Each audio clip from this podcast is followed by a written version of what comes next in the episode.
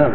وسائل يسأل فيقول أنا رجل أبيع وأشتري في الدخان وكل دخلي تقريبا من الدخان فهل يجوز لي الطعام والشراب والحج والزكاة والصدقة وكل أعمال الخير؟ وأرجو من فضيلتكم أن توضحوا لي هل لي أجر فيما قدمت من أعمال الخير أم لا؟ هذا يا أخي من البلاء العظيم. كونك تقتدي في الدخان في الدخان وغالب دخلك من الدخان هذا من البلاء. فعليك أن تبادر بالتوبة.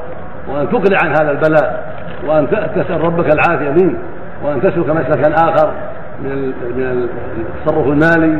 والله وسع ويسر.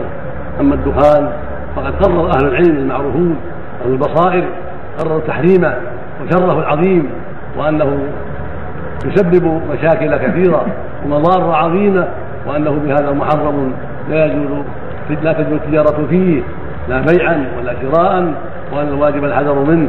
وعدم استيراده وعدم الأكل من ثمن من ثمنه فما جاء حصل لك من هذا من هذا الباب. ينبغي أن تصرفه في وجوه البر وإن كان ما ما عندك شيء يقوم بحالك أبقيت عندهم عندك منه ما تحتاج إليه ويقوم بحالك حتى يوليك الله من فضله بالطرق المباحة. وما زاد على ذلك من هذا الثمن الخبيث من جاءك من طريق الدخان مصرف في وجوه الخير لتخفيف من شره. ونفع المسلمين به في مساعدة فقير